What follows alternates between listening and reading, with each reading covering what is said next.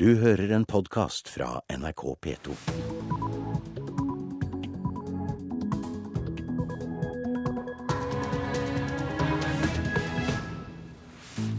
Vel møtt til P2s Nyhetsmorgen. Klokka er 6.30 tirsdag 20. november. I studio i dag Øystein Heggen. Dette er hovedsaker. SAS må selges før det har gått fem år, mener flyekspert Frode Steen. Oppskriften på suksess for SAS i, på litt lengre sikt er at de trenger en kommersiell eier. Disse kostnadskuttene vi ser nå, de hadde vært tatt mye før med kommersiell eier. Egypt håper på en våpenhvile mellom Israel og Hamas i løpet av de nærmeste dagene. Over 100 mennesker er drept i israelske angrep på Gaza den siste uka. En norsk soldat i Afghanistan etterforskes for å ha drept en sivil afghaner. Kan bli tiltalt for uaktsomt drap etter vådeskudd. Og et godt eh, sexliv er lik god folkehelse, ifølge spesialist i klinisk sexologi Håkon Aars. Eh, alle kroniske sykdommer, alle sykdommer som vi mennesker får, går utover den seksuelle helse. Det du sier nå, er at kronisk syke blir sykere Mm. når de ikke har et godt seksualliv. Mm, det er det jeg sier.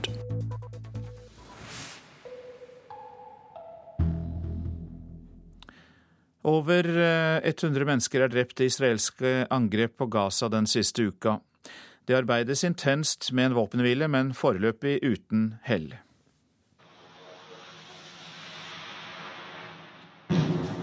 En kule av flammer står ut av vinduene på en bygning i Gaza. Over 100 mennesker er drept i israelske flyangrep siden onsdag i forrige uke, da konflikten tok av igjen. FNs toppsjef er i Kairo og skal møte både Israels statsminister Benjamin Netanyahu og palestinernes president Mahmoud Abbas i løpet av de neste dagene, forteller FN-talsmann Martin Nesirki.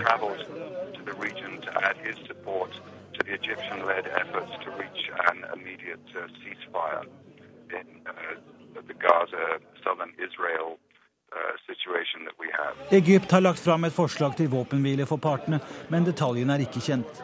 Israelerne krever at Hamas stanser alle rakettangrep, og at det internasjonale samfunnet gjør det de kan for å hindre at det kommer nye våpen i hendene på Hamas. Mens palestinerne på sin side krever at Israel opphever blokaden av Gaza. Vi er klare til å legge fram et forslag til en FN-resolusjon for Sikkerhetsrådet som tar til orde for våpenhvile, sier Russlands FNs ambassadør. Mens diplomatene prater, fortsetter bombene å falle. Det sa utenriksreporter Øyvind Nyborg. Ja, Egypt håper på en våpenhvile mellom Israel og Hamas. Det sier landets utenriksminister. Samtidig forbereder Israel fortsatt en bakkekrig i Gaza. Odd Karsten Tveit, tidligere Midtøsten-korrespondent og utenriksmedarbeider. Du er i Jerusalem. og Hvordan blir mulighetene for en våpenhvile vurdert? I Israel sies det at dagens samtaler i Kairo vil bli avgjørende for om det blir våpenhvile eller ikke. Og Sent i går kveld kom ni av de viktigste ministrene i den israelske regjeringen sammen for å bli brifet om samtalene. Og Det som israelske medier i dag sier, er at Israel ønsker en foreløpig våpenhvile på 24-48 timer, og på sin side tilbyr å lette på blokaden av Gaza, for så å forhandle videre med Hamas om en langvarig våpenhvile. Det er jo diplomatisk aktivitet, som vi hørte i innslaget. Også Egypt, FN er engasjert, Russland. Hvor viktig er Egypts rolle her?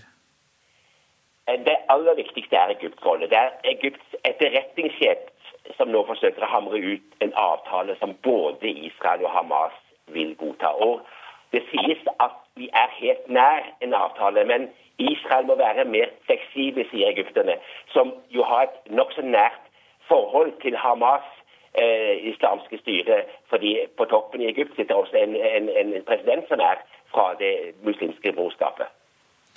Du nevnte Karsten Tveit, mulighetene for en langsiktig avtale. Hvor langsiktig vil den kunne bli? Tidligere har Hamas foreslått 15-30 år våpenhvile. De vil jo ikke anerkjenne den israelske staten, men de er villige til å inngå en langvarig våpenhvile. Og det er også snakk fra israelsk side om at en 15 år våpenhvile kan være aktuell. Så det er det som man på lang sikt har eh, i tankene. Og Hvilken virkning eh, ville det ha, altså en så langvarig våpenhvile? Ville det gi en viktig stabilitet i regionen, eller hvordan tror du det ville virke inn? Det ligger så langt fram, dette her. Men det er klart hvis, hvis palestinerne da også nå samles, som det nå ser ut, til at denne krigen mot Gaza-stripen gjør at både Fatah, det største israelske, eller palestinske partiet eh, som styrer da på Vestbredden, og Hamas kan samle seg.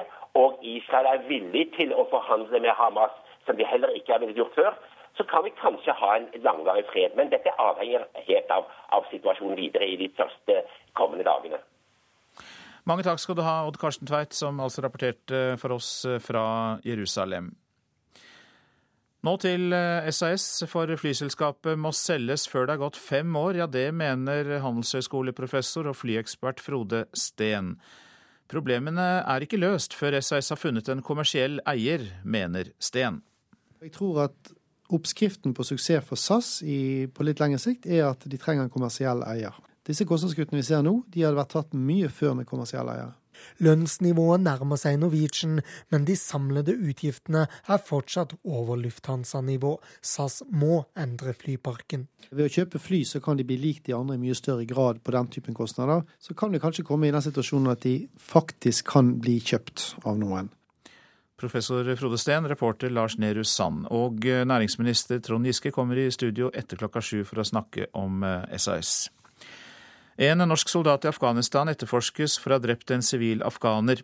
Den afghanske mannen ble drept da soldaten tok et ladegrep på geværet sitt og ved et uhell avfyrte skudd. Saken er oversendt til statsadvokaten i Nordland, som nå skal avgjøre om den norske soldaten blir tiltalt for uaktsomt drap. Enhver form for vådeskudd, uhell eller våpenhåndtering som resulterer at uskyldige mennesker blir drept, er svært alvorlig. Sier viseadmiral og sjef for Forsvarets operative hovedkvarter Håkon Brun-Hansen. I mai 2011 tok den norske soldaten et ladegrep på geværet sitt. Ved et uhell avfyrte soldaten et skudd og drepte den sivile afghaneren. Ulykken skjedde ikke i en krigshandling, og Forsvaret har gransket saken etter militær straffelov om det var uforsiktig omgang med våpen. Det sa reporter Ellen Omland. Nå til det avisene skriver, i hvert fall det de skriver på førstesiden.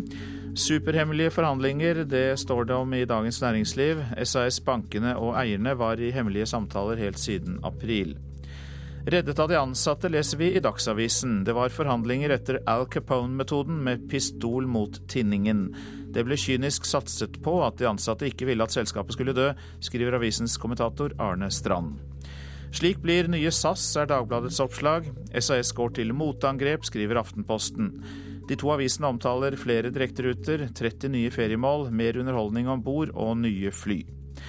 Krisen er ikke over, det er VGs førstesideoppslag. Avisa presenterer 80 alternativer til å fly med SAS. I 2009 sa Hamas at vi vant krigen mot Israel. De vil si det samme nå. Det stemmer ikke. Vi taper, sier 27 år gamle Fami al-Dalo til Klassekampen. Han mistet elleve slektninger i et israelsk angrep mot Gazastripen. Alene på listetoppen skriver Vårt Land om Venstres Abid Raja. Han er foreløpig den eneste kandidaten med innvandrerbakgrunn som er nominert på førsteplass foran stortingsvalget neste år. Overså 5,5 cm lang jernsplint i hodet, skriver Fedrelandsvennen. 17 år gamle Markus ble truffet av en motordel fra en kantklipper, men det tok mer enn fem måneder før sykehuset oppdaget jernsplinten som ble igjen inne i hodet. 60 trønderske entreprenørfirmaer er gått konkurs hittil i år, skriver Adresseavisen. Nå rammes bedriften Teknobygg av en tapsbombe, og 115 ansatte der rammes. Jeg måtte dope ned pasienter fordi sykehjemmet var så underbemannet, ja det sier ufaglærte Veronica til Bergensavisen. Og saftbransjen er fortvilet over sukkeravgift, kan vi lese i Nasjonen. Avgiften på sukkerholdig drikke øker fra nyttår, og saftprodusentene reagerer på at det er gitt unntak for syltetøy, kjeks og iskrem. Et eh, godt sexliv er viktig for folkehelsa, det viser en ny dansk undersøkelse. Likevel eh, snakker ikke legene så mye med pasientene om sex.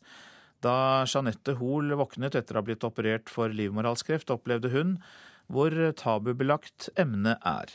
Det er ikke lang tid igjen. Kommer jeg inn, så begynner jeg sikkert å grine med en gang jeg setter meg ned, for det er alltid. Jeanette Hoel har hatt livmorhalskreft. I dag er hun frisk, men noe er likevel ødelagt. Derfor sitter Jeanette spent og nervøs på et venterom på Akershus universitetssykehus. Nå har hun bedt om hjelp. Noen minutter tidligere, med raske skritt på vei inn på sykehuset, forteller Jeanette om det som har ført til at hun ikke kan få barn, at hun knapt har sex med samboeren, og at hun mange ganger pakker seg inn i klær når hun skal legge seg. Problemet er at det har blitt sammenvoksninger i, i underlivet. Og disse sammenvoksningene gjør at når man da skal ha samleie, så får man blødninger. En fersk dansk undersøkelse viser at seksualiteten påvirker helsa vår. Ni av ti dansker sier at et godt sexliv er viktig for deres livskvalitet.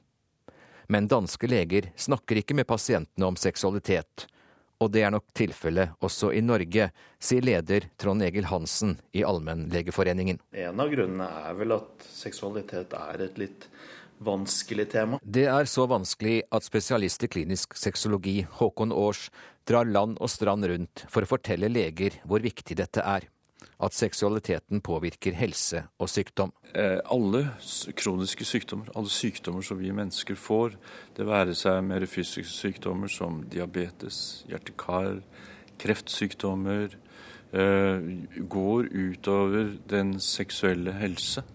Eh, det samme med psykiske sykdommer. Det du sier nå, er at kronisk syke blir sykere mm. når de ikke har et godt seksualliv. Mm, det er det jeg sier. En av de siste behandlingene jeg hadde, som ble gjort i en lettere narkose, for det er en såkalt innvendig stråling, eller strålebehandling, så kom det da en lege til meg med en liten pose hvor det var en liten plastikkstav. Og han så rimelig flau ut. Det har kanskje også noe med at min mor satt ved siden av meg. Hvor han da, da stotret litt frem at 'denne må du bruke'. Og det var det. Jeanette skulle bruke staven for å hindre sammenvoksninger i underlivet etter operasjonen. Det var det ingen som fortalte henne.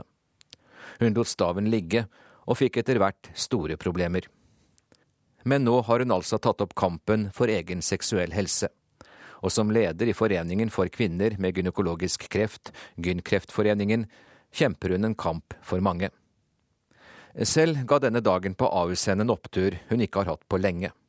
Hun føler en enorm lettelse når hun kommer ut til samboeren etter undersøkelsen. Jeg ble så glad. Jeg har typisk stråleskade. Ja. Så nå skal jeg prøve en behandling med lokal øh, østrogenbehandling. Men det er han som Ja, han må være min medisin. ja, men jeg skal være medisin. Ja. Godt glass med rødvin og en avslappende kveld det er en fin måte å begynne på. Noe mer sier jeg ikke. Og Den reportasjen var laget av Hans Jørgen Solli. Statssekretær Tina Tangnes Grønnevold, god morgen til deg. Du eh, er statssekretær i Helse- og omsorgsdepartementet, og den seksuelle helsa er jo viktig. Det viser jo altså da denne danske undersøkelsen. Eh, hvor viktig mener dere i departementet at den seksuelle helsa er? Er det slik at den kommer litt eh, i bakgrunnen og skyves litt unna? Jeg tror vi kan kjenne oss igjen i mange av oss i det som eh, danskene rapporterer, at eh, seksuell helse er en veldig viktig del av eh, eh, både psykisk og fysisk helse, og har, har, stor betydning for veldig mange. Er det slik at eh, du fikk noen eh, aha-opplevelser da du hørte på dette her, eller er det ting som du kjenner til og har studert medisin selv òg? Ja, jeg tror det er viktig at Gynkreftforeningen forteller om dette, og at eh, NRK også gjennom å ta opp saken bidrar til å, eh, å løfte dette. For det er klart det fins fortsatt tabuer på det seksuelle området, selv om vi har kommet mye lenger de siste par tiårene. Nå hørte vi at eh, Håkon Aars, han er jo spesialist i klinisk sexologi og reiser land og strand rundt, som hørte, for å orientere om dette. Han vil ha et møte med departementet. Eh, hva vil du fortelle ham? Hva, du, hva er du spent på å høre fra ham? Ja, Det blir spennende å møte Håkon Aars. jeg har henvendt meg til han og, og, og takka for initiativet og bedt om et møte. Eh, og det passer veldig fint at han kan komme og fortelle oss om dette nå, fordi regjeringen har bestemt at vi skal legge fram en eh, stortingsmelding om folkehelse til våren. Eh, og der vil det passe fint å bli opplyst om eh, seksuell helse i, i betydning i forhold til folkehelsa, og diskutere ideer til hva vi kan gjøre med det. Tror du det er riktig at norske leger kvier seg litt for å snakke med pasientene om seksualitet, eller andre veien også kanskje, at pasientene også kvier seg litt? Ja, det tror jeg mange av oss kan kjenne oss igjen i, selv om vi nok har blitt flinkere til å snakke om sex både blant legene og i samfunnet ellers de siste tiåra. Ehm, jeg tror også at eh, legeutdanningene har blitt styrka når det gjelder opplæring om kommunikasjon, der det er viktig å være både fordomsfri og å være empatisk for å få fram pasientens situasjon. Det å finne ut hvordan pasienten har det, og hvor pasienten sjøl mener at det må settes inn hjelp, er jo ofte avgjørende for å kunne komme på sporet av det som er riktig behandling for hvert enkelt menneske. Og tilbake til eh, utgangspunktet for det vi snakker om i dag. Det er jo dette at eh, det kan være ekstra tøft for folk som har eh, kroniske sykdommer, at seksualiteten kan bli veldig skadelidende, og at den også da kan virke negativt inn, så det blir en, en ond spiral. Nettopp det og andre grunner burde kanskje tilsi at det skulle få mer fokus på medisinerstudiet? Ja, det syns jeg er viktig. Vi vet at uh, seksuell helse blir påvirka av en del medikamenter. At det er mange, uh, en del bivirkninger i forhold til det. Og at en del alvorlige sykdommer og ulike sykdommer sterkt påvirker seksuell helse. Uh, jeg syns det ville vært spennende å utfordre legene selv, og også universitetene som jobber med å utvikle medisinstudien i detalj, i forhold til hvordan vi kan styrke opplæring og bevisstgjøring på dette området. Mange takk for at du kom, Nina Tangnes Grønvold. Du er statssekretær i Helse- og eh, omsorgsdepartementet. Takk skal du ha.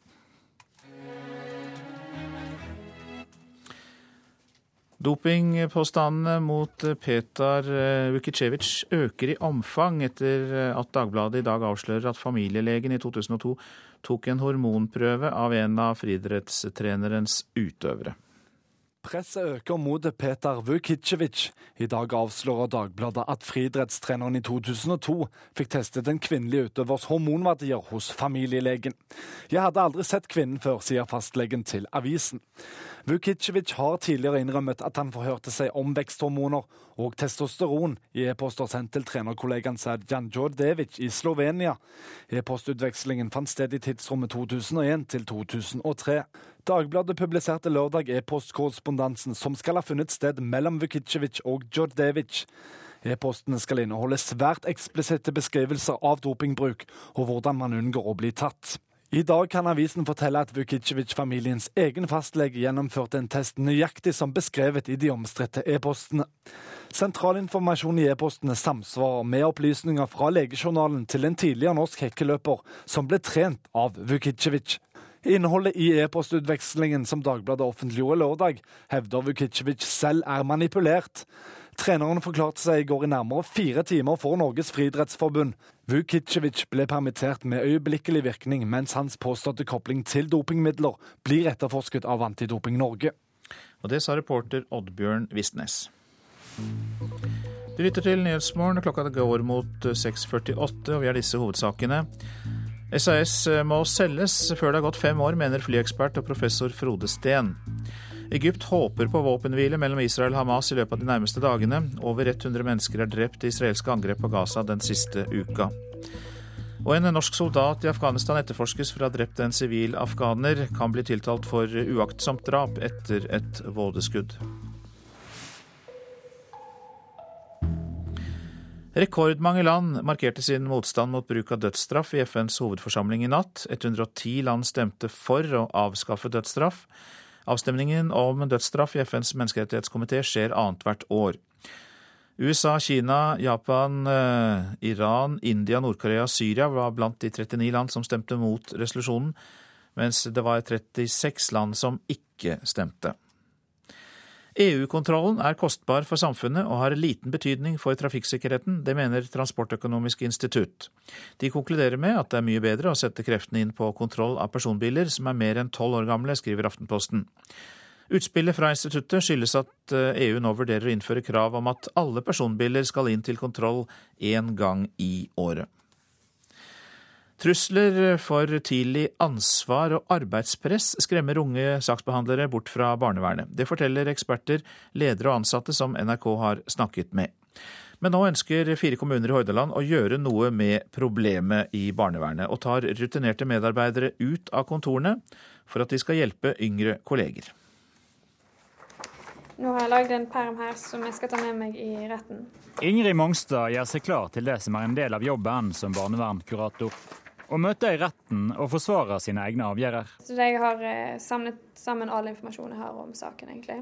Som nyutdanna ble hun for ett og et halvt år siden kasta ut i vanskelige oppgaver. Jeg følte hver dag at jeg krysset noen grenser i forhold til hva jeg syntes var behagelig. Det gjør veldig inntrykk å hente et barn ut av hjemmet, og du ser et barn som ikke har det bra.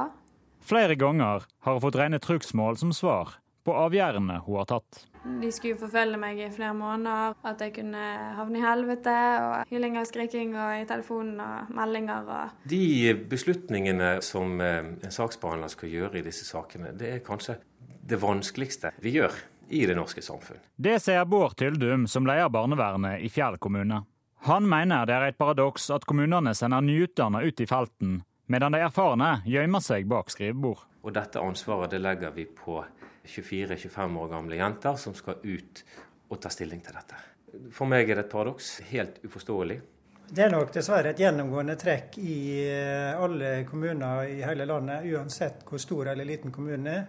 Torgeir Sæther har tatt på seg jobben med å se på hvordan fire kommuner vest for Bergen kan få et bedre barnevern, der en klarer å holde på unge ansatte.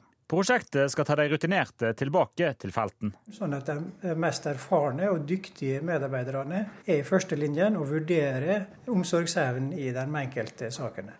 Eh, de mest krevende oppgavene er jo ofte å vurdere omsorgsevnen i familiene, og i for stor grad så bruker vi eh, relativt urutinerte og yngre medarbeidere til det. Jeg følte meg nok alene ja, i perioder. Ja, og at du, du sto satt med store avgjørelser i hendene. Ingrid Mongstad er ikke skremt. Trases trugsmål og vanskelige oppgaver. Men hun forstår at mange unge vil ut av barnevernet eller oppover i systemet. Det forstår jeg, og spesielt forstår jeg det fordi at det å sitte alene med saker, det tror jeg er ofte grunnen til at folk ikke orker mer. De sitter alene med tunge saker. Og det, det forstår jeg at de ikke orker. Og Sølve Rydland var reporter. Stein Winge nådde ikke helt til topps i nattens Emmy-prisutdeling i New York. Argentina stakk av med seieren i kategorien beste internasjonale mannlige skuespiller. Winge innrømmer at han hadde kladdet på en takketale, men sier han likevel er strålende fornøyd med bare å bli nominert. Regissør og skuespiller Stein Winge tok det med fatning at han ikke stakk av med den gjeve internasjonale Emmy-prisen for beste mannlige hovedrolle her i New York i natt. Den 72 år gamle teaterveteranen mener at bare det å bli nominert som en av fem internasjonale skuespillere er utrolig i seg selv, og er fornøyd selv om det ikke holdt helt inn. Nei, men ganske langt. Det gjorde det. Så jeg, er, jeg syns det er storartet. Det er iallfall best i Europa. Så Nei, det var spennende. Altså for meg å være med på dette var liksom, som jeg har sagt før, uh, mer enn nok for meg. Jeg kan jo ikke liksom, som ikke-skuespiller være misfornøyd med det. Hadde du uh, kladdet en uh, takketale? Ja, jeg hadde det. Jeg hadde, jeg hadde den i ånden, da. For det var liksom Jeg hadde en feeling på at det kunne gå. Men jeg, skjøtte, han, jeg snakket en del med han argentineren på vår måte. Det, han ga et voldsomt inntrykk da i samtaler. Så det var litt av en fyr som vant, da. Vinneren i kategorien beste mannlige hovedrolle gikk til Dario Grandinetti fra Argentina for sin rolle som skilt taxisjåfør med fremmedhat. Stein Winge drar ikke helt tomhendt hjem til Norge herifra New York. En egen medalje og diplom er laget for alle som ble nominert i TV-bransjens svar på Oscar-utdelingen. Han ankom prisutdelingen på fasjonable Hilton hotell i hjertet av New York standsmessig i sort limousin. Et lite glass champagne var også fortært før entreen på den røde løperen sammen med sin datter Victoria Winge og resten av den norske delegasjonen. Opplevelsen av å være blant de utvalgte føltes uvirkelig, innrømmer den erfarne teaterinstruktøren. Det er, helt, det er jo helt, helt uvirkelig. Det er sånn helt irrasjonelt og surrealistisk. Så jeg er en lykkelig mann, jeg. Jeg er ikke en nedbrutt mann. Hva satser du på nå, da? Skuespilleryrke eller fortsatt regissør? Nei, Jeg må jo fortsette som instruktør, da. Jeg, jeg er jo ikke idiot heller. Men, men, hvis det blir noen oppgaver, så gjør jeg gjerne det. Men det er jo instruktør som er mitt arbeid. Stein Winge var nominert for sin rolle i miniserien 'Koselig med peis', der han spiller en alkoholisert familiefar og avdanket advokat. I TV-serien spiller han mot sin egen datter Victoria Winge. Det ble altså ingen seier i natt, og Stein Winge slår fast at selv om det naturligvis er smigrende med skuespillertilbud, er instruktørrollen levebrødet. I februar neste år setter han opp sin egen forestilling basert på Bibelens tekster i Det gamle og Nye testamentet. Jon Gelius, New York. For første gang deler Statoil ut stipendet for klassisk musikk til et orkester. Det er de unge musikerne i ensemblet Allegra som får denne støtten på én million kroner. Vinnerne av Statoil-stipendet Morgendagens helter spiller Holbergsuiten av Grieg. Det er ensemble Allegria som i år stikker av med stipendet for klassisk musikk på én million norske kroner, som det første orkesteret noensinne. Vi er et kammerorkester som har eksistert i snart fem år. og som vi ønsker å gjøre til vår arbeidsplass en gang i framtiden. Forteller kunstnerisk leder og konsertmester Maria Angelica Karlsen. Ensemble Allegria består av 20 musikere i alderen 20 til 26 år. Vi har bakgrunn fra Apparaturets musikkinstitutt og eh, Norges musikkhøgskole, som forresten er en veldig viktig samarbeidspartner for oss. Og vi studerer her. Vi har gått her i fire-fem år sammen, og vi har blitt gode sammen og ønsker å fortsette. Juryen sier at ensemble Allegria utstråler en våken musikalitet som skaper et ensemblespill med nerve og intensitet. Juryleder Leif Ove Ansnes liker spesielt godt at det i år er åpnet for å gi prisen til et orkester, og ikke bare til enkeltstående musikere. Det har vært en fantastisk utvikling av stryketalenter i, i Norge de siste 10-20 årene. og eh, Mange innehar solistiske ferdigheter på, på eh, svært høyt nivå, og man sikter høyt. Men samtidig har det gradvis vokst fram et sånn fellesskap i dette miljøet, hvor, hvor liksom eh, egenutvikling ikke er alt, men, men hvor gleden over å musisere sammen blir uh, sterkere og sterkere. Og, og uh, Ensemble Allegria er et veldig tydelig eksempel på dette. Ansnes tror stipendet kan hjelpe Ensemble Allegria med å nå dit de vil. Kanskje dette kan, kan gi de muligheter til å komme litt mer ut i utlandet. Jeg vet at de Altså, Norge er et lite marked for, for et kammerorkester. Man må, man må øh, bli synlig i utlandet. Etter å ha spilt konserter i de store norske byene, ønsker musikerne i Ensemble Allegria nettopp det, å erobre utlandet. Vi vil gjerne komme oss utenlands. Vi har bare spilt konserter i Norge, og vi har veldig lyst til å um, vise oss frem i utlandet, f.eks. i England og Tyskland. Kunstnerisk leder Maria Angelica Karlsen, reporter Ina Charlotte Fjellhøy. Så noen ord om eh, været i dag. Fjell i Sør-Norge får spredt regn og sludd. Snø over 1100 eh, meter, lokal tåke og i nord oppholdsvær. Østafjells på kysten perioder med liten kuling, spredt regn eller yr og lokal tåke. I kveld økende nedbør vest i Agder. Vestlandet sør for Stad. Sørlig liten kuling på kysten, stiv kuling i nord. Enkelte regnbyger. I ettermiddag øking til eh, sørøst stiv kuling, og i nord sterk kuling. Om kvelden liten storm og regn. Møre og Romsdal og Trøndelag økning til sørvest liten kuling på kysten. Sterk kuling i sør. I kveld minkende. Stort sett opphold i sør, etter hvert også i nord. Helgeland, Saltfjell og Salten litt regn fra sør, til dels snø i indre strøk. I ettermiddag øking til sørvestlig stiv kuling på kysten. Så tar vi for oss Ofoten, Lofoten og Vesterålen. Oppholdsvær, i kveld litt regn, snø i indre og høyere høyre strøk. Troms, stort sett oppholdsvær blir det der, etter hvert til dels pent vær, faktisk. Finnmark får først på dagen enkelte sluddbyger i ytre strøk og nord på vidda, men ellers opphold også i Finnmark. Nordensjøland på Spitsbergen, enkelte snøbyger i vest, ellers stort sett oppholdsvær. Fra i ettermiddag nordlig bris og opphold. Vi tar for oss temperaturene som ble målt klokka fire. Svalbard lufthavn minus seks, Kirkenes pluss én, Vardø tre, Alta to, Tromsø-Langnes tre, Bodø to. Brønnøysund og Trondheim begge fem grader, Molde seks, Bergen åtte, Stavanger ni, Kristiansand-Kjevik åtte, Gardermoen seks. Lillehammer fem grader, Røros én grad og Oslo-Blindern hadde seks grader klokka fire.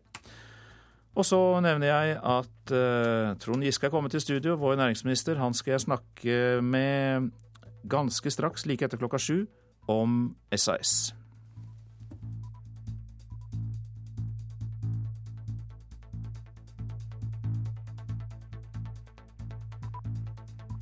Du hører en podkast fra NRK P2.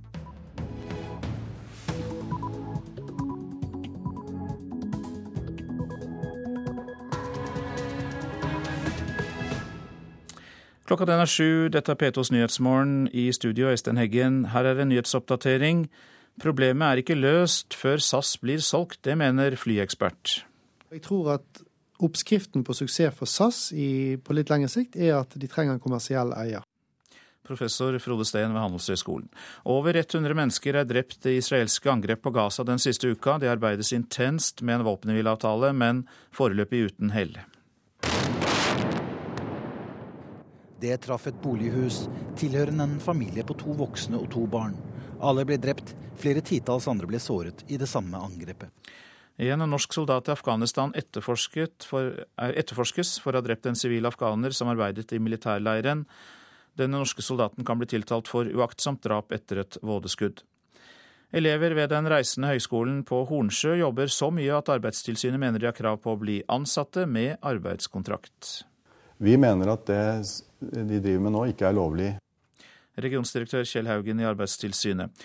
Og rusomsorgen kan få mindre penger når øremerkingen forsvinner og kommunene selv skal eh, styre pengene. Mer om det litt lenger ut i sendinga.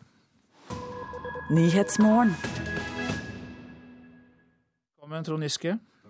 Vi skal snakke sammen om SAS, men la oss først høre et innslag med den siste oppdateringen. Flyselskapet må selges før det har gått fem år, mener professor på Handelshøyskolen og flyekspert Frode Steen. Og problemene er ikke løst før SAS har funnet en kommersiell eier, mener altså han. Gårsdagens løsning kan bare bringe dem et stykke på vei. Så er det fortsatt SAS røde motorer som skal løfte den blå halen opp i marsjfart på 800 km i timen.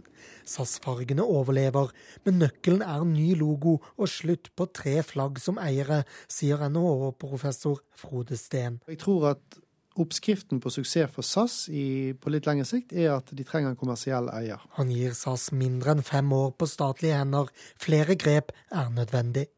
Og Det illustrerer i grunnen problemet med statlige eiere. De er villige til å strekke seg mye lenger enn kommersielle eiere. Disse kostnadskuttene vi ser nå, de hadde vært tatt mye før med kommersielle eiere. Lønnsnivået nærmer seg Norwegian, men de samlede utgiftene er fortsatt over Lufthansa-nivå. SAS må endre flyparken. Men det er òg viktig å si at Lufthansa er noe helt annet enn SAS. De har en mye mer effektiv flyflåte, den er nyere. De har en slankere organisasjon. De er i det hele tatt et mye mer effektivt selskap enn SAS. Sånn at det er mye som gjenstår.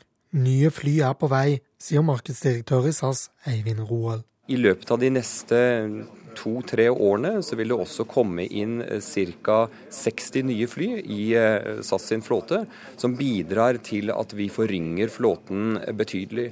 Eh, så den kritikken om at vi ikke har den nyeste flåten, den er etter vår oppfatning ikke berettiget. Ved å kjøpe fly så kan de bli lik de andre i mye større grad på den typen kostnader. Så kan vi kanskje komme i den situasjonen at de faktisk kan bli kjøpt av noen.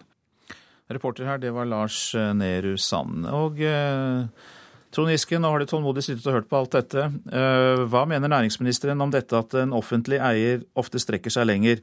Sagt på en annen måte er for snille. Nei, jeg mener at vi stiller de samme kravene som andre eiere til de selskapene hvor vi har eierandeler. Det er litt spesielt med SAS, fordi eh, der er vi i motsetning til de andre selskapene en minoritetseier. Vi har bare 14% eierandel fra den norske stats eh, side. Andre har mer enn oss, og vi har også en eh, kommersiell eier som, som, er ganske stor. Eh, I de fleste selskapene som Statoil, Telenor, Hydro, eh, så er vi majoritetseier. Har eh, mye større kanskje kraft til å både følge selskapet aktivt opp, påvirke hvilke styremedlemmer som blir valgt, eh, og sette retninga for selskapet på en aktiv måte. Så Eh, akkurat SAS eh, er nok et spesielt tilfelle av statlig eierskap, hvor vi kommer i en eh, litt vanskelig situasjon som minoritetseier, hvor vi blir veldig avhengig av andre eiere. Men hva gjør dere, eierne, da, hvis SAS ikke blir solgt? Nei, vi, har, vi jobber egentlig etter to spor. Vi både at vi har bedt Stortinget om en fullmakt for å kunne selge SAS dersom en partner skulle dukke opp, finne en eh, løsning for SAS i en større konstellasjon. Eller drive videre som eh, et uavhengig selskap. For uansett om det ene eller det andre blir resultatet, så er det overordna målet å drive SAS lønnsomt eh, og effektivt. Fordi det både sikrer SAS som et uavhengig selskap, eller gjør SAS mer attraktiv som partner for en annen. Men jeg er nok enig i den analysen som gis her at det skjer så store strukturelle endringer i flybransjen at før eller siden må SAS også bli en del av det. Når store flyselskap som Air France og KLM ser det nødvendig å slå seg sammen, eh, da sier det seg sjøl at eh, SAS kan fort bli litt for liten i den store internasjonale konkurransen. Nå er det jo da sikret en pakke som skal sikre SAS en videre framtid, i hvert fall en stund. men hvilke krav stiller du nå i tillegg for å komme videre fra den plattformen som er etablert? Ja, Nå må selskapet gjennomføre resten av spareplanen sin. Det består bl.a. i å selge noen viktige selskaper. I Norge berører det mer enn halvparten av de ansatte i SAS Ground Handling og Widerøe, som har til sammen 3000 av de 5300 SAS-ansatte i eh, Norge. Eh, og så må effektiviseringsarbeidet fortsette kontinuerlig. fordi at Selv om SAS nå har gjort et kjempesprang eh, mot å bli mer konkurransedyktig, og de ansatte skal ha all ære for å ha bidratt til det, så fortsetter jo konkurrentene å forbedre sin produktivitet hver eneste dag. Eh, og da handler det ikke om å gå ned i lønn eller pensjonskostnader framover. Da handler det bare om å bruke den arbeidstida mest mulig effektivt, bruke ny teknologi. Og også, som det ble sagt i reportasjen, etter hvert investere i en ny flyflåte som eh, er mer effektiv, krever mindre vedlikehold og ikke minst bruker mindre drivstoff. Tok de ansatte all belastning? Eller som Dagsavisen skriver, Arne Strand skriver der at det var Al Capone-metoder som ble brukt her for å tvinge dem på plass? Ja, Det var jo en tvangssituasjon i den forstand at selskapet ikke har tjent penger på mange år. Eh, før eller siden må et selskap eh, tjene penger, ellers så går det over ende. Men tok de ansatte all belastning? Eh, det er jo gjennomført ganske store spareplaner allerede som ikke går på lønns- og arbeidsbetingelsene til de ansatte. Eh, slik at eh, Det er jo organisatoriske endringer, teknologiske endringer som kan bidra til å gjøre SAS mer lønnsomt. Men til sjuende og sist, når kostnadsnivået skal ned, eh, og du har lønns- og arbeidsbetingelser som en tung kostnadsfaktor, så var det ingen vei utenom at også det måtte bidra til bedre lønnsomhet i SAS. Takk for at du kom til Nyhetsmorgen, næringsminister Trond Giske. Nå til eh, Midtøsten. For eh, som vi da har eh, hørt, så er 105 mennesker drept på Gazastripen i løpet av de seks, den seks dager lange konflikten. Det er talsmenn for Hamas som melder dette. Samtidig så håper da Egypt å få på plass en våpenhvile mellom Israel og Hamas. Det sier landets utenriksminister.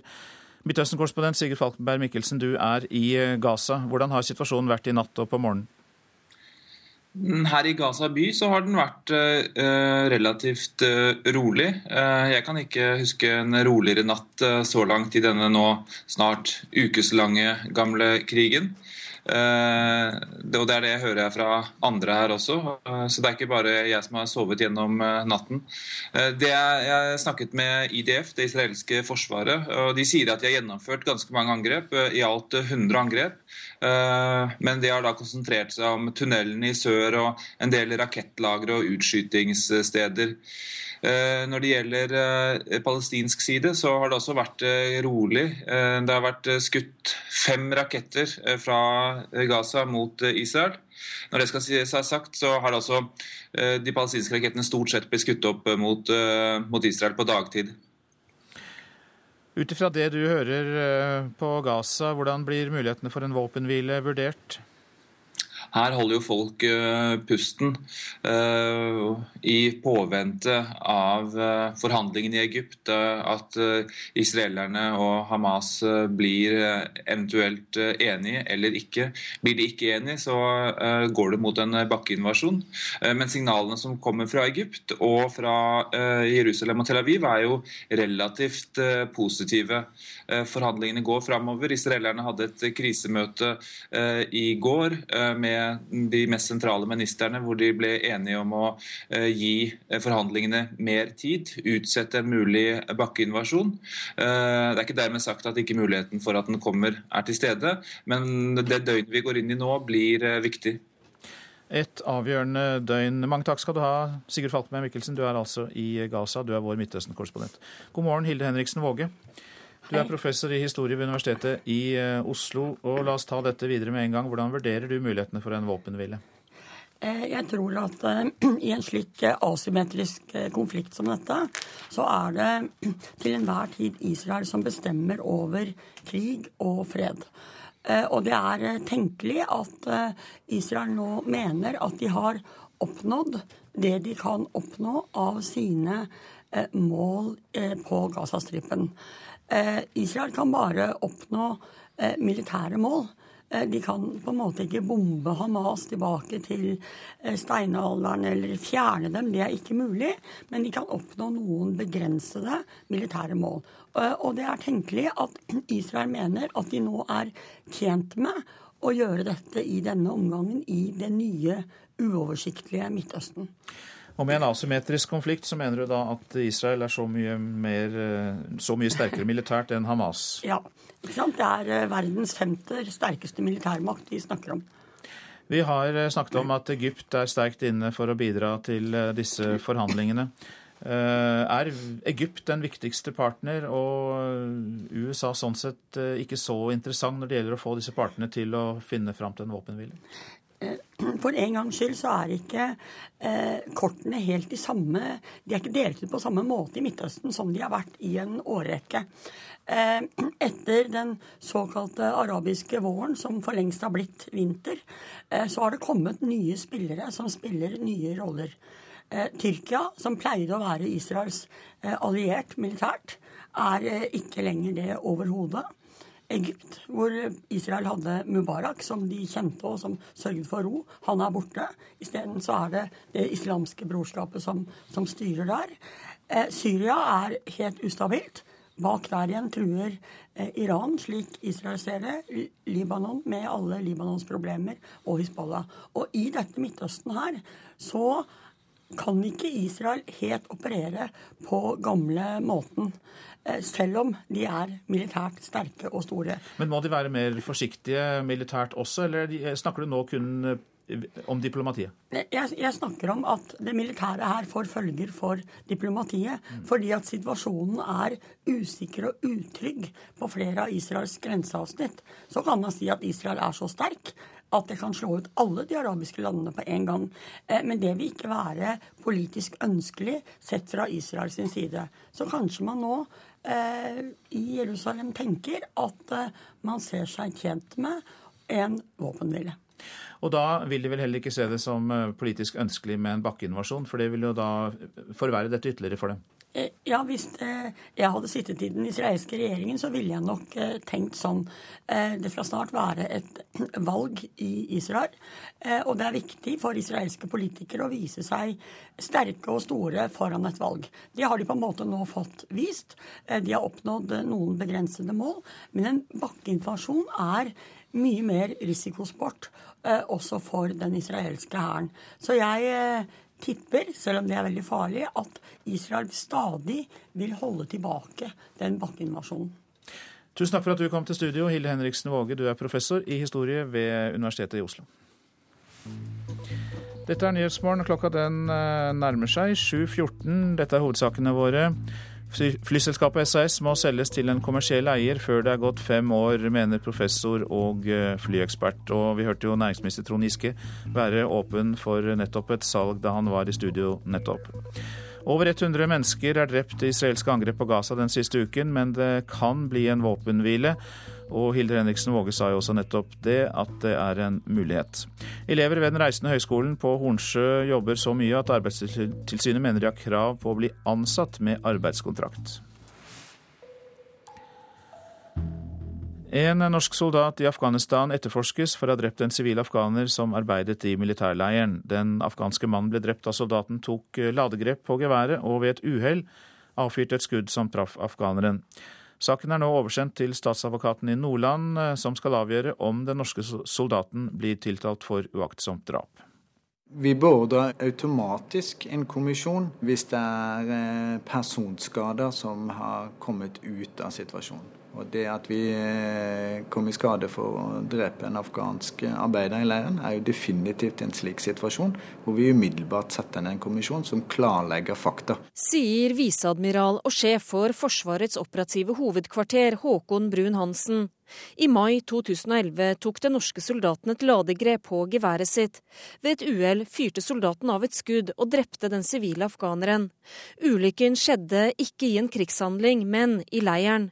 Ifølge Brun-Hansen arbeidet afghaneren i militærleiren, og Forsvaret har gransket saken etter militær straffelov om det var uforsiktig omgang med våpen. Enhver form for vådeskudd, uhell eller våpenhåndtering som resulterer at uskyldige mennesker blir drept, er svært alvorlig. Hvor ofte er det dette her har skjedd? At en norsk soldat har, har i, når man ikke har vært i kamp, har, har drept en, en annen person? Ja, Det har jeg dessverre ikke i hodet. Det er ikke så ofte at slike ting skjer. Generaladvokaten har sendt sin innstilling til statsadvokaten i Nordland. Nå skal Erik Trones avgjøre om soldaten blir tiltalt for uaktsom drap ifølge sivil strafferett, uforsiktig omgang med våpen i forhold til militær strafferett, eller om saken blir henlagt. Det er jo alltid alvorlig at noen dør ved uforsiktig omgang ved bruk av våpen. Spørsmålet er jo om det har vært uforsiktig omgang med våpenbruk her. Det er for tidlig for meg å si noe om det nå. Trones sier han ikke har hørt om en lignende sak tidligere. Det er klart det, det, det er spesielt. Reporter her, det var Ellen Omland. Og forfatter Malin Stensønes, du har gitt ut boken 'På våre vegne soldatberetninger fra Afghanistan'. Du har jo også snakket om den boken tidligere i Nyhetsmorgen. Og etter det du kjenner til, hvor ofte har det skjedd denne type uhell, vådeskudd? Jeg er ikke kjent med at det har skjedd tidligere. Men vi vet jo at uhell kan skje, og dette er jo en reportasje om det. Men jeg er ikke kjent med andre hendelser av denne type. Når, da du laget denne boken med norske soldater i Afghanistan, da snakket du kanskje med dem om risikoen for å drepe uskyldige sivile. Hva sa de til deg? Nei, Det er klart at alle soldater frykter jo å, at det skal gå sivile liv tapt. Men det skyldes jo først og fremst at Afghanistan har vært et veldig komplisert stridsfelt. Eh, og hvor, man, hvor mange av kampene har vært utført med sivile i feltet. Eh, flere av soldatene forteller jo om hvordan opprørerne bruker sivile som skjold. En av soldatene som er med i boka, sier jo at han har vært i et titalls stridskontakter. Og i samtlige av de så har det vært sivile i stridsfeltet. Så det sier jo noe om kompleksiteten. Og Hvilke regelverk bør de da følge når de er i en så komplisert situasjon? Nei, Det er jo mange både lover og regler som skal overholdes av norske soldater. Det er jo alt fra Genévekonvensjonene til å følge norske, norske lover og regler. Og så vil det jo også være slik at soldatene har spesifikke engasjementsregler for de operasjonene de deltar i. Dette kan norske soldater. Det sitter i ryggmargen. Er det noen forskjell på hvordan soldatene skal opptre? Er det noen forskjell på typen soldater i Afghanistan, og hvordan de håndterer denne relasjonen til det å skyte og risikere å skyte mot sivile? Jeg tror alle norske styrker, både konvensjonelle og spesialstyrker, har et veldig bevisst forhold til det at man opererer i kompliserte stridsfelt, og at det er sivile ofte i stridsfeltet. Da du snakket med disse soldatene, snakket de ofte om at det kunne skje uhell? At de kunne komme i skade for å skyte uskyldige?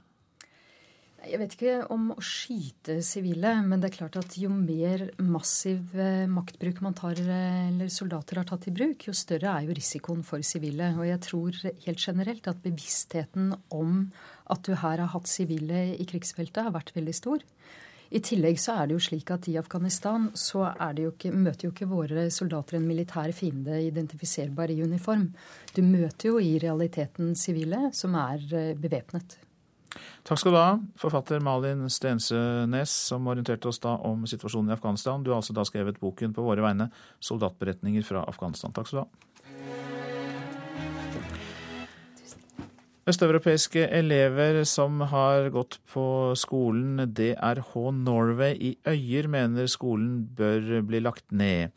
I går kom Arbeidstilsynet med en rapport som sier at de som går ved skolen jobber så mye at de har krav på å bli ansatte med arbeidskontrakt. Men påstander om kritikkverdige forhold ved skolen har vært kjent i årevis uten at noe har skjedd. Steng skolen, sier rumenske Adi Badescu. Den tidligere eleven snakker om det som har blitt kalt Den reisende høgskole, som holder til på gamle Hornsjø høgfjellshotell i Oppland. Elevene der er fra østeuropeiske land. De kommer for å være med på et slags utviklingsstudium, men opplever noe annet. Mange har klaga, sier Badeshko. For many and many years students were complaining about the school, and nobody did anything to stop this. Dagsrevyen fortalte i går om skolen som i dag blir kalla DRH Norway.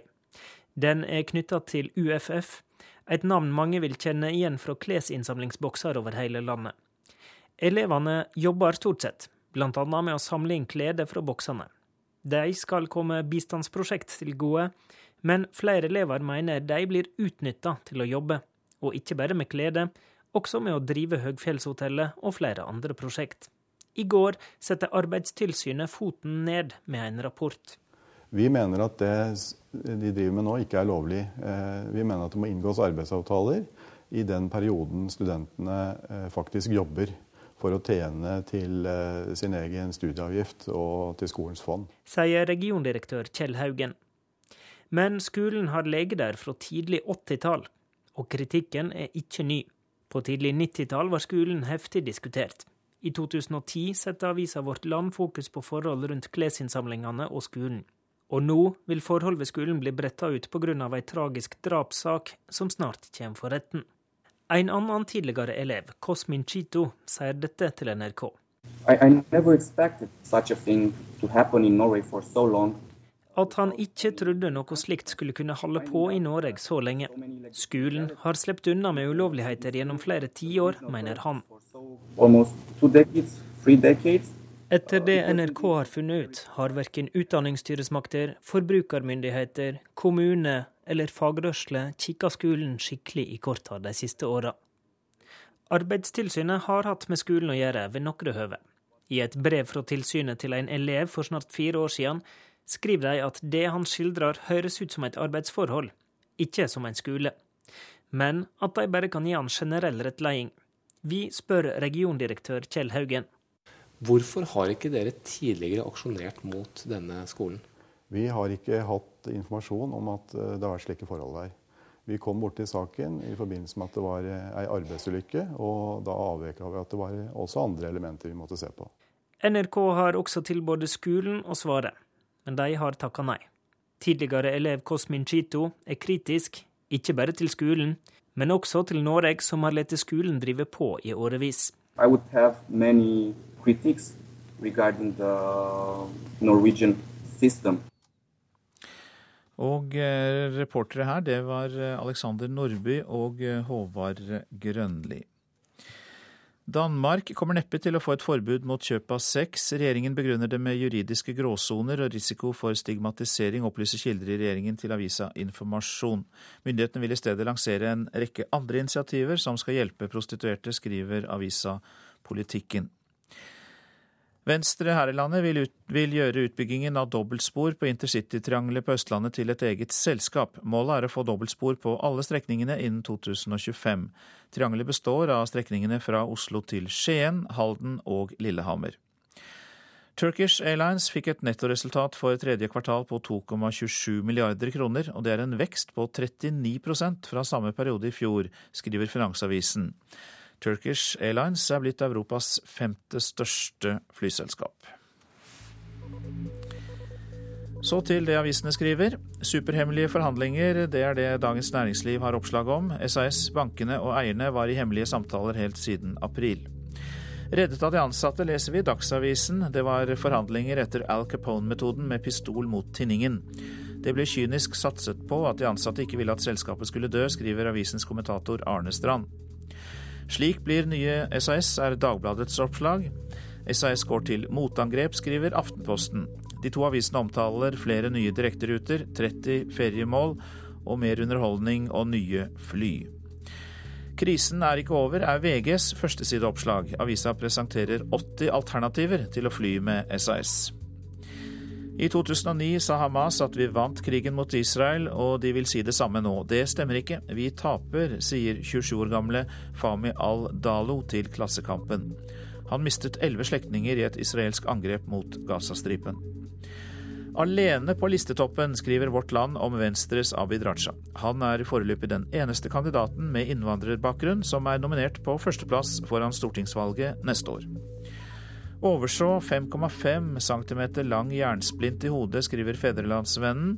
17 år gamle Markus ble truffet av en motordel fra en kantklipper, men det tok mer enn fem måneder før sykehuset oppdaget jernsplinten som ble igjen inne i hodet.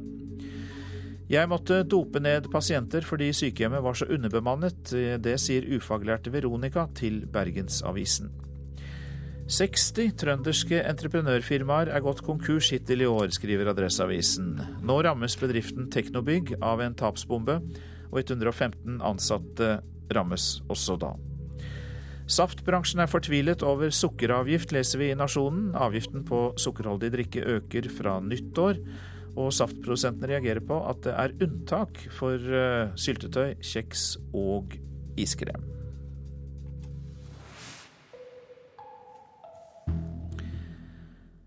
Rusomsorgen kan få mindre penger når øremerking forsvinner. Fra neste år blir 333 millioner kroner endret fra øremerkede midler til fri bruk for kommunene.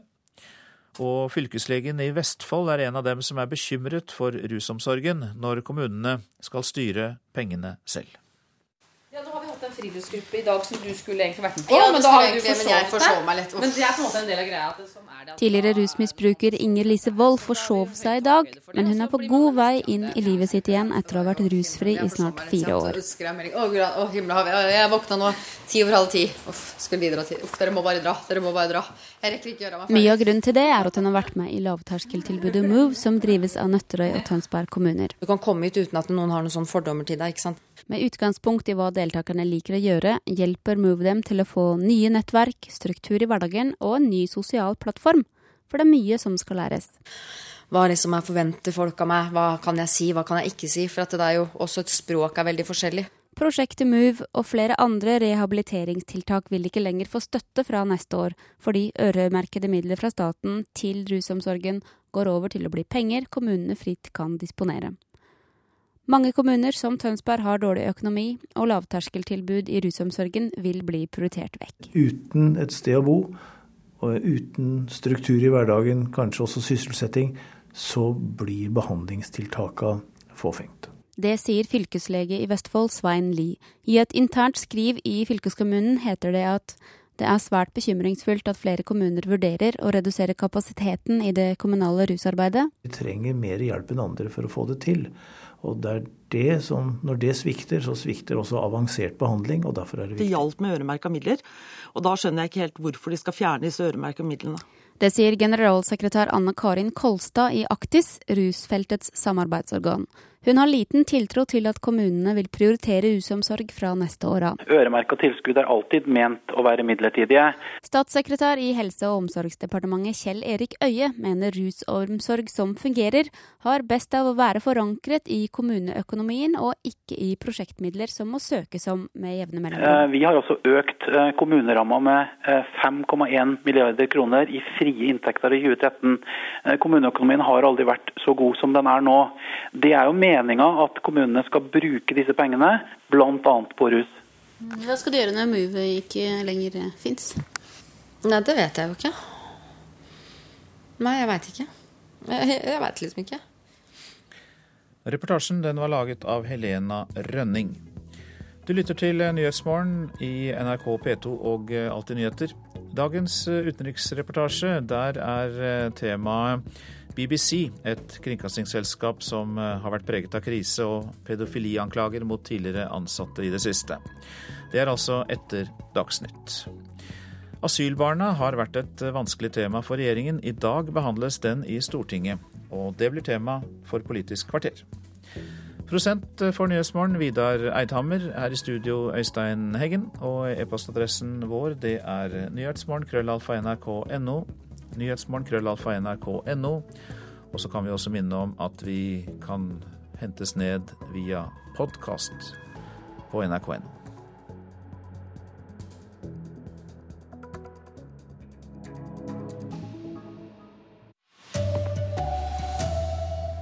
Salg eneste løsning for SAS, mener flyekspert.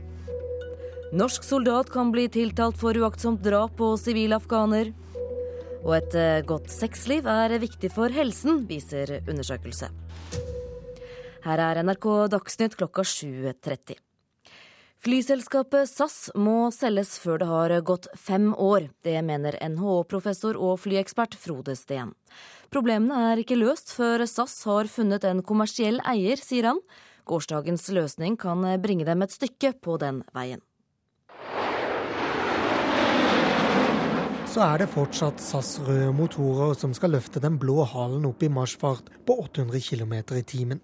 SAS-fargene overlever, men nøkkelen er ny logo og slutt på tre flagg som eiere, sier NHO-professor Frode Steen. Jeg tror at Oppskriften på suksess for SAS i, på litt lengre sikt er at de trenger en kommersiell eier. Han gir SAS mindre enn fem år på statlige hender. Flere grep er nødvendig.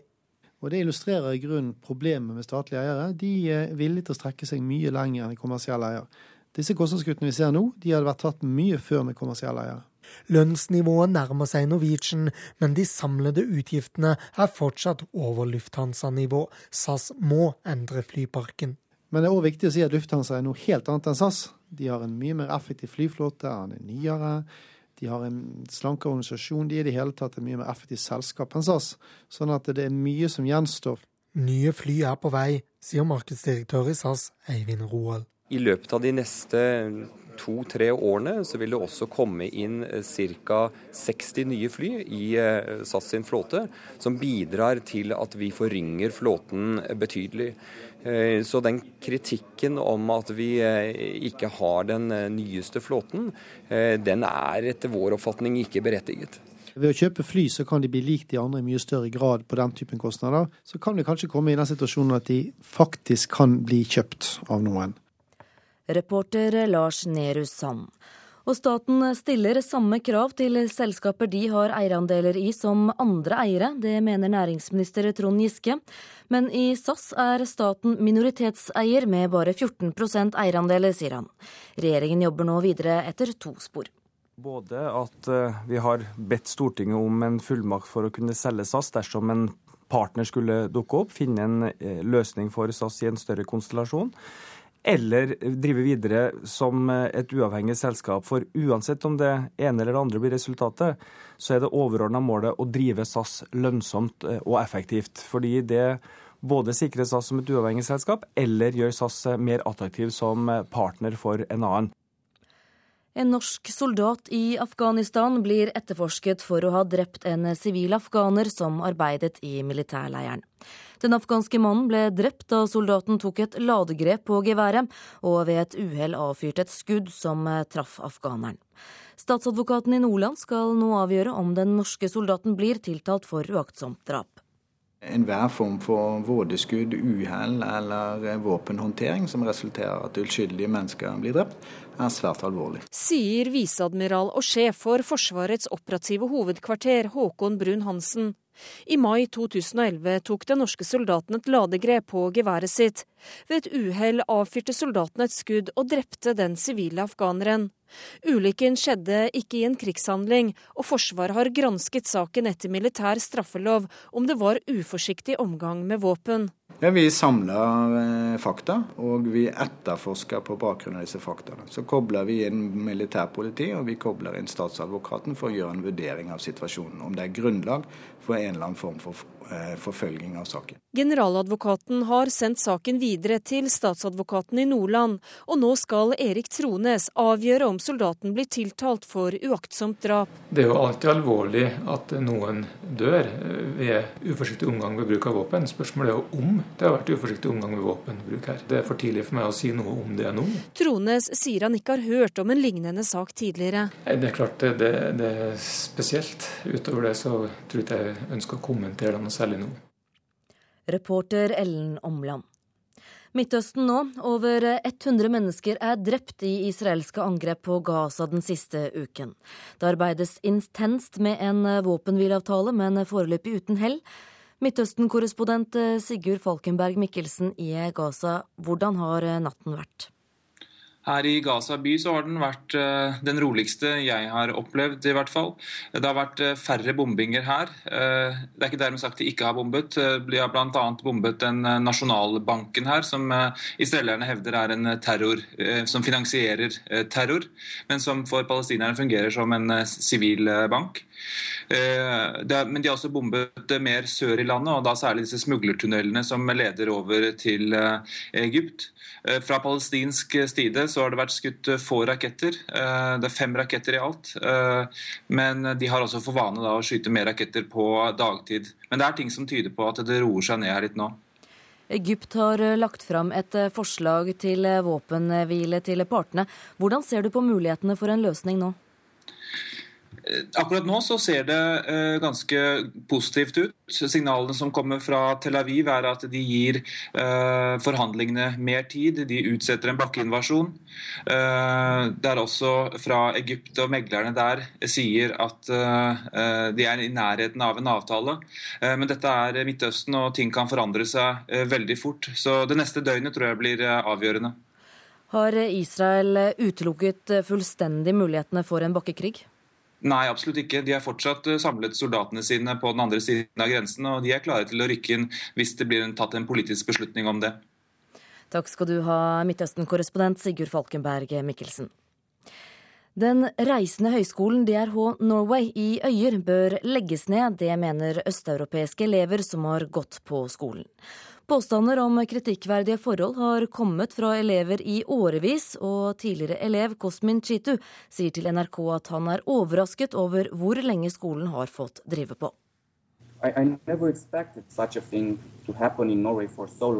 Skolen har sluppet unna med ulovligheter gjennom flere tiår, mener han. Arbeidstilsynet har hatt med skolen å gjøre ved noen høve. I et brev fra tilsynet til en elev for snart fire år siden skriver de at det han skildrer høres ut som et arbeidsforhold, men at de bare kan gi han generell rettledning. Hvorfor har ikke dere tidligere aksjonert mot denne skolen? Vi har ikke hatt informasjon om at eh, det har vært slike forhold der. Vi kom borti saken i forbindelse med at det var eh, ei arbeidsulykke, og da avveka vi at det var også andre elementer vi måtte se på. Og skolen vil ikke kommentere kritikken til NRK. Reporter Håvard Grønli og Alexander Nordby. Et godt sexliv er viktig for folkehelsen. Det viser en ny dansk undersøkelse. Likevel snakker ikke leger med pasientene om sex.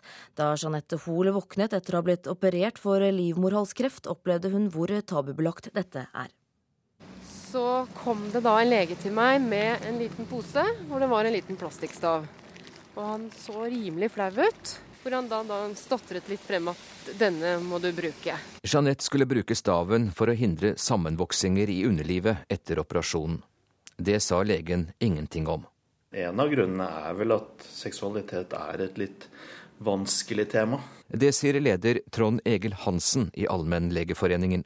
Det er velkjent at eh, seksualiteten har stor betydning for helsa, men eh, at man likevel eh, ikke ikke har prioritert det i samsvar med det. Den danske undersøkelsen viser at seksualiteten er viktig for folkehelsa.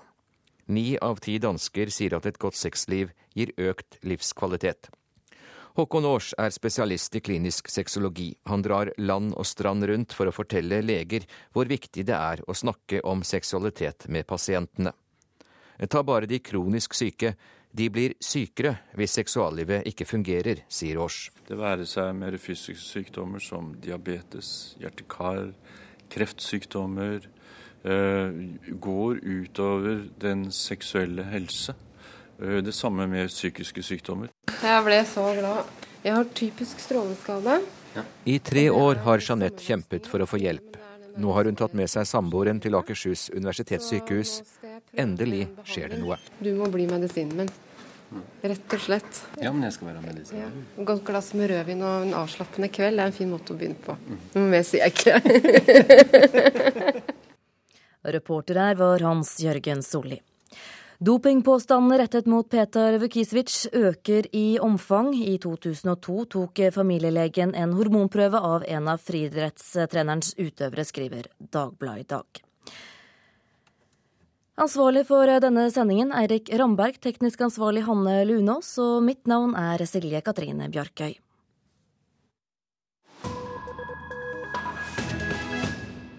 Nyhetsmorgen er programmet du lytter til. Pedofilianklager og krise har preget kringkastingsbautaen BBC.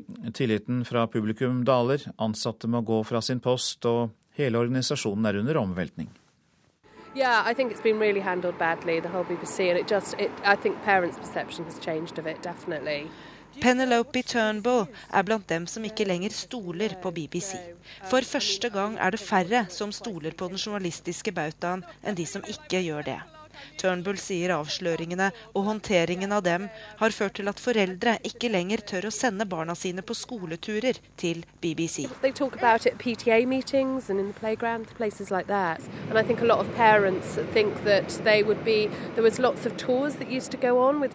Things, and now people are a bit more skeptical about going to the television centre because I think that if that could happen and it's all undercover by an organisation like the BBC, I think it's worrying for parents. Det er bekymringsfullt for foreldre at slike overgrep kunne skje og bli holdt skjult, sier Turnbull. Vi er på vei inn i BBCs flunkende nye kringkastingshus midt i sentrum av London. Her er man midt i flytteprosessen. Bare noen av de 5000-6000 ansatte som skal ha tilhold her, har foreløpig flyttet inn. Det enorme nyhetsrommet er dekket av pulter. Det er radio, TV, nett. Det er arabisk, urdu og engelsk. Det er regionale sendinger og BBC World. Det er ingen tvil om at BBC er en gigant. BBC day, Radio 4, Radio 3. It's absolutely wonderful. It's one of the best things in life. BBC er en av de beste tingene i livet, sier Harvey Rose. Han hører på BBC radio hver eneste dag, og er blant dem som fortsatt stoler på det han hører. It tells me what goes on in the world. Uh, it has the wonderful music on BBC 3, Radio 3. And um, the television coverage is recognized by most people as the best in the world, probably. And you still trust the BBC? Certainly. Anerkjent over hele verden som nyhets- og kulturformidler. Rundt 23 000 ansatte sørger for nyheter fra og til hele verden på over 40 språk. Undervisning og underholdning. BBC blir anerkjent verden over for å ha spilt en svært viktig rolle for folkeopplysningen i nesten 100 år. I tredje etasje i BBCs nye kringkastingshus entrer vi Newsnights redaksjon. Dette er senteret for mye av krisen som rammer organisasjonen. Det var her beslutningen ble tatt om ikke å sende dokumentaren som avslørte Saville. Det var her beslutningen ble tatt om å sende beskyldningene mot den tidligere konservative toppolitikeren Alistair McAlpine om at han var pedofil overgriper. Of course they should have called me. And I would have told them exactly what they learned later on. And what was that? That it was complete rubbish. McAlpine får nå 185 000 pund, 1,7 millioner norske kroner, i kompensasjon for de falske anklagene.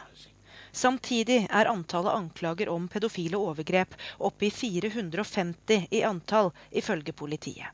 Fire nålevende personer er arrestert og løslatt i påvente av ytterligere reaksjon fra påtalemyndigheten.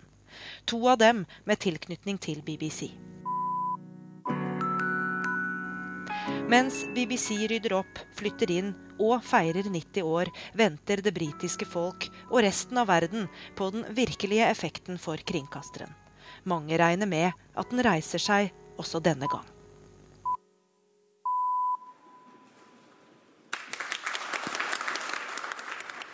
Og den reportasjen var laget av eh, korrespondent Gry Blekastad Almås.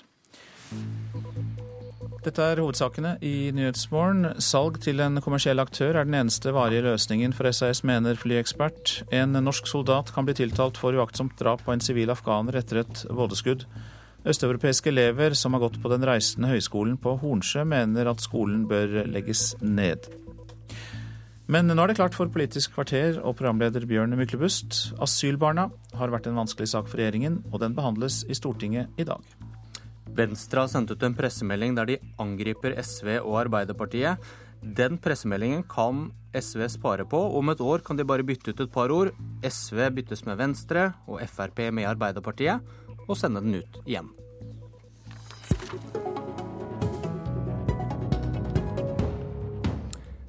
Venstreleder Trine Skei Grande, du trenger kanskje de pedagogiske evnene læreryrket har gitt deg for å overbevise velgerne om at asylbarna får en annen skjebne med en ny regjering? Ja, Vi så jo i hvert fall når vi satt i regjering sammen med Høyre og KrF sist, at vi klarte å lage flertall sammen med SV i flere saker som spesielt angikk asylbarn. Vi fikk til to runder med amnesti. Jeg syns ikke at amnesti er det beste løsningen. Jeg syns vi skulle ha funnet mer langsiktige løsninger. Men det andre jeg merka meg, det er at vi på siste møtedag før sommeren la inn et felles forslag med alle de fire opposisjonspartiene som gikk inn på å ratifisere Barnekonvensjonens andre del, nemlig barns rett til å innklage overfor staten når brudd på Barnekonvensjonen gjør gjeld. Og det var Frp faktisk med på, og det ville ha fått følge også for asylbarnsaken. Sitat på Venstres landsmøte forrige helg ble det framsatt ønske om en liberal innvandringspolitikk. Med Frp kommer det ikke til å bli en liberal innvandringspolitikk.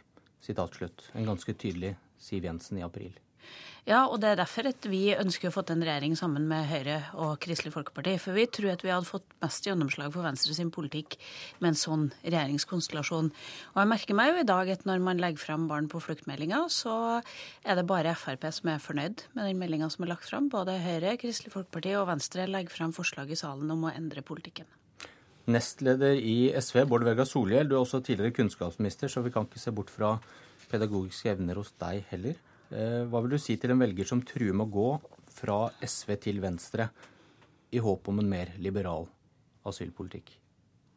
Du, tror jeg vil si det som er sannheten, nemlig at SV og Venstre gjennom ti år har vært de to partiene som har stått for en liberal, men likevel ansvarlig eh, asyl- og innvandringspolitikk og at vi har hatt sterke treffpunkter eh, på det. Men at vi òg har den samme utfordringa, som vel er det du òg litt toucha inn på i begynnelsen.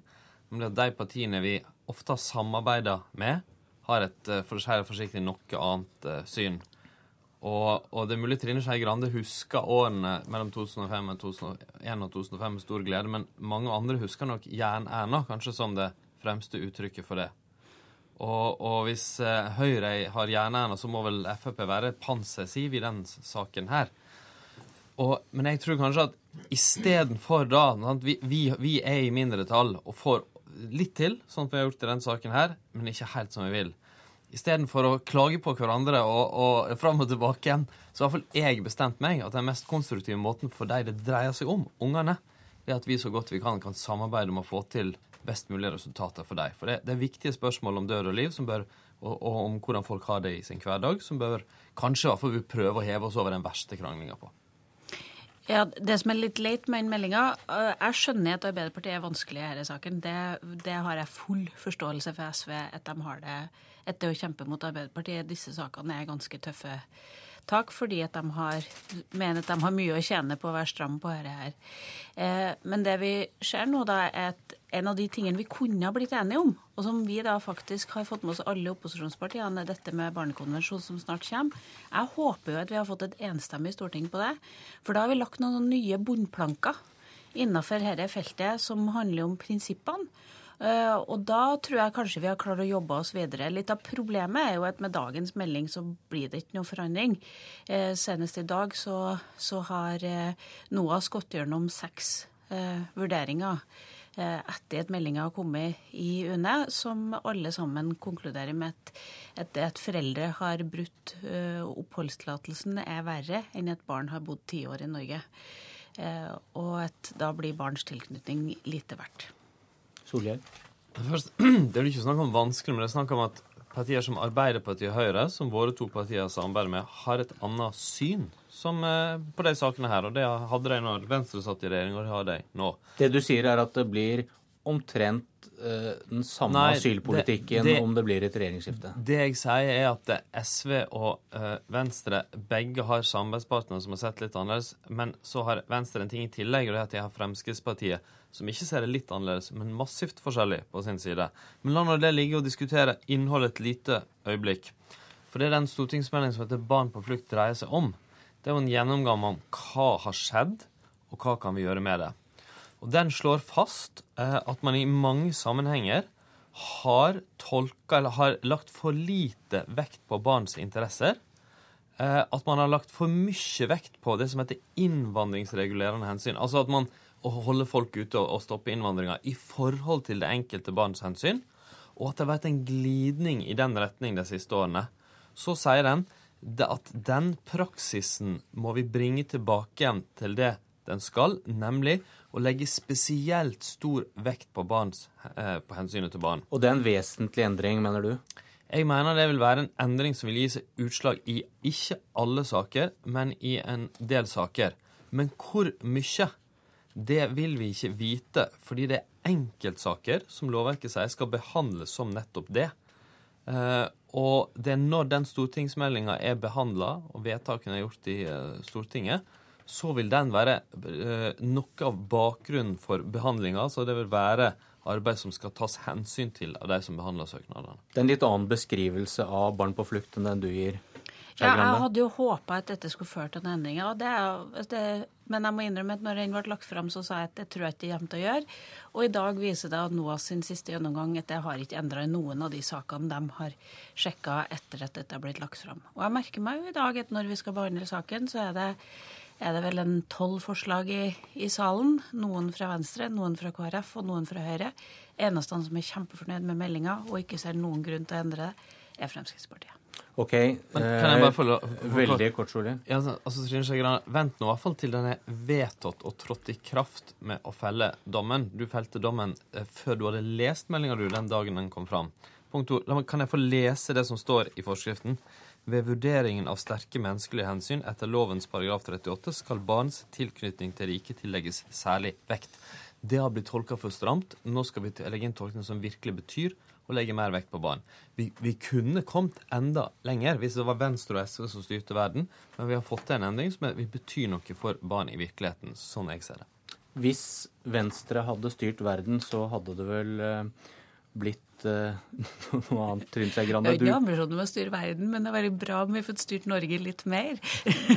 det har vært forsøk. Du, eh, i, I dag legger Venstre som siste opposisjonsparti fram sitt alternative budsjett. og Det er kanskje politikk der som gir mer håp om borgerlig samling enn asylpolitikken?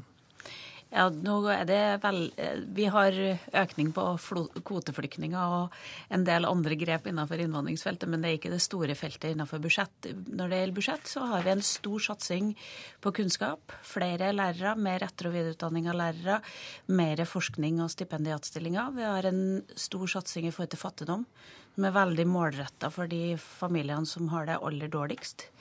Eh, og så er det et stort løft på et område som handler om å få flere bedrifter opp og gå, flere, skape flere arbeidsplasser. Gjøre det mye lettere for folk som har litt restarbeidskraft, om de så er gamle eller uføretrygda eller sånn.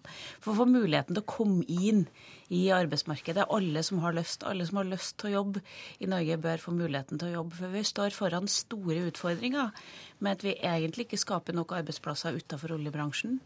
Vi satser ikke nok på de fremtidsretta næringene, og vi sørger ikke for at eh, mange nok jobber for å eh, møte den tida der vi kommer til å bli veldig mange eldre i Norge. Du, Etter din landsmøtetall i vår, så var det noen som peket, pekte på en slags sånn dobbelthet. At du, dere åpnet for Frp i regjering, men tok voldsom avstand fra dem politisk. Altså, Venstre går til valg på Venstres program. og vi har sagt Men ser vi... du dobbeltheten? At det kan Nei, være altså... en vanskelig pedagogisk utfordring igjen? Nei, det vi har sagt, er at vi tror at vi får gjennom mest politikk med en regjering sammen med Kristelig Folkeparti og Høyre. Det viste vi sist med stor suksess for Venstre, både når det gjaldt politikk og, og oppslutning. Så vi tror at det er en samarbeidskonstellasjon der vi kan få gjennom mye. Og det er ikke så mye om å gjøre på at den konstellasjonen faktisk har flertall på målingene, så vi må bare jobbe videre. Vi har ennå et år på oss på å bevise det. Takk, Trine Skei Grande.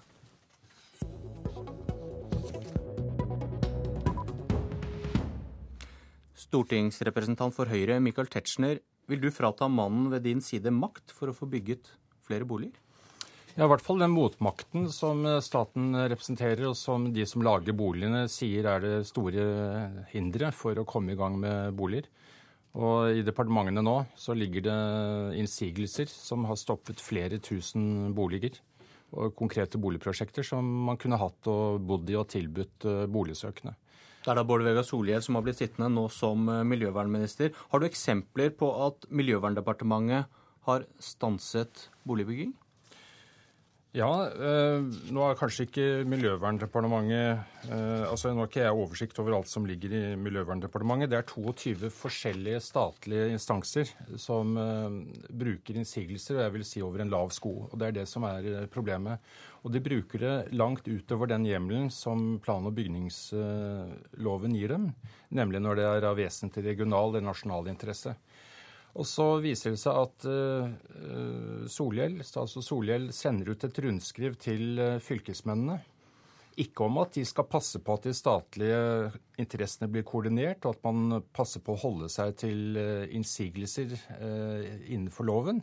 Nei, de skal faktisk nedlegge enda flere innsigelser hvis de ikke gjennomfører en fortettingspolitikk på områder som Solhjell mener. Og jeg har derfor sagt at han bør eh, trekke dette brevet tilbake og så heller gi en klargjøring av når innsigelser eh, ikke skal brukes, for det hadde løsnet proppen for de som eh, produserer boliger.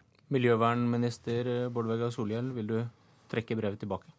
Overhodet ikke. Det som står i det brevet, det er at vi skal legge større vekt på boligbygging fra fylkesmannens side når man får den typen avgjørelser og avveininger som man gjerne gjør med ulike hensyn. Eh, og i siste instans til og med gå inn og si til kommunene at eh, nei, her har du ikke planlagt for for få boliger i et viktig utbyggingsområde. Her må dere gjøre noe annet enn ja-innsigelse til bolig. Og at Michael Tetzschner vil, eh, vil, eh, trekke et brev som sier at jeg skal legge mer vekt på bolig, at det skal hjelpe mot boligbygging, det, det er for meg komplett uforståelig. Og så vil jeg si at Det er behov for å gå gjennom det som heter innsigelsene, for å gjøre sørge for at motforestillingene kommer raskere. At det er bedre samordning. 22 eh, instanser. Kanskje skal vi prøve ut én eller noen færre som kan være samordna. Men er, er, du enig i at det er en så stor utfordring som Høyre og, og Tetzschner peker på? her? Jeg mener er sterkt overdriver. Det er ikke det som er hovedutfordringa for boligbygging. Og det er fordi innsigelsessystemet ikke eh, først og fremst brukes på helt andre ting. Hvis jeg ser på saker, de sakene som kom til meg i Miljøverndepartementet i fjor, så var det én eller to boligsaker. Men det vanligste det var saker om bygging av strandsonen. Så hvis vi kutter kraftig i muligheten til innsigelser, så vil den viktigste effekten trolig være kraftig økt utbygging i strandsonen. Og så er det viktig at en god del ganger er det riktig å si en stopp en halv ved et boligprosjekt. En typisk sak som jeg får inn, det kan være at man har planlagt et boligfelt ute på et jorde langt unna kollektivtrafikk. Så sier noen, Statens vegvesen eller Fylkesmannen, det her går ikke, det her kommer til bare til å skape Mitt problem er dårlig planlegging. Ja, men da er det bra at det kommer fram sånne motforestillinger.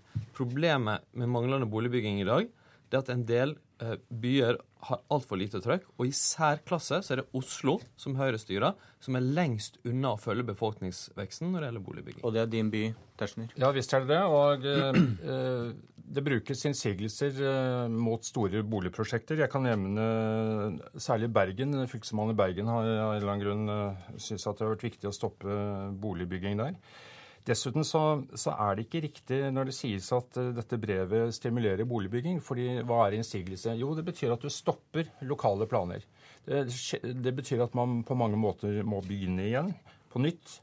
Uh, det er et negativt virkemiddel. Det er en bremsepedal og ikke en, en gasspedal. Når det så gjelder Oslo, så har vi gått gjennom de forskjellige partienes stemmegivning i Oslo bystyre. Og da syns jeg Solhjell burde, uten å bry oss andre, ta sine partifeller inn på kammerset.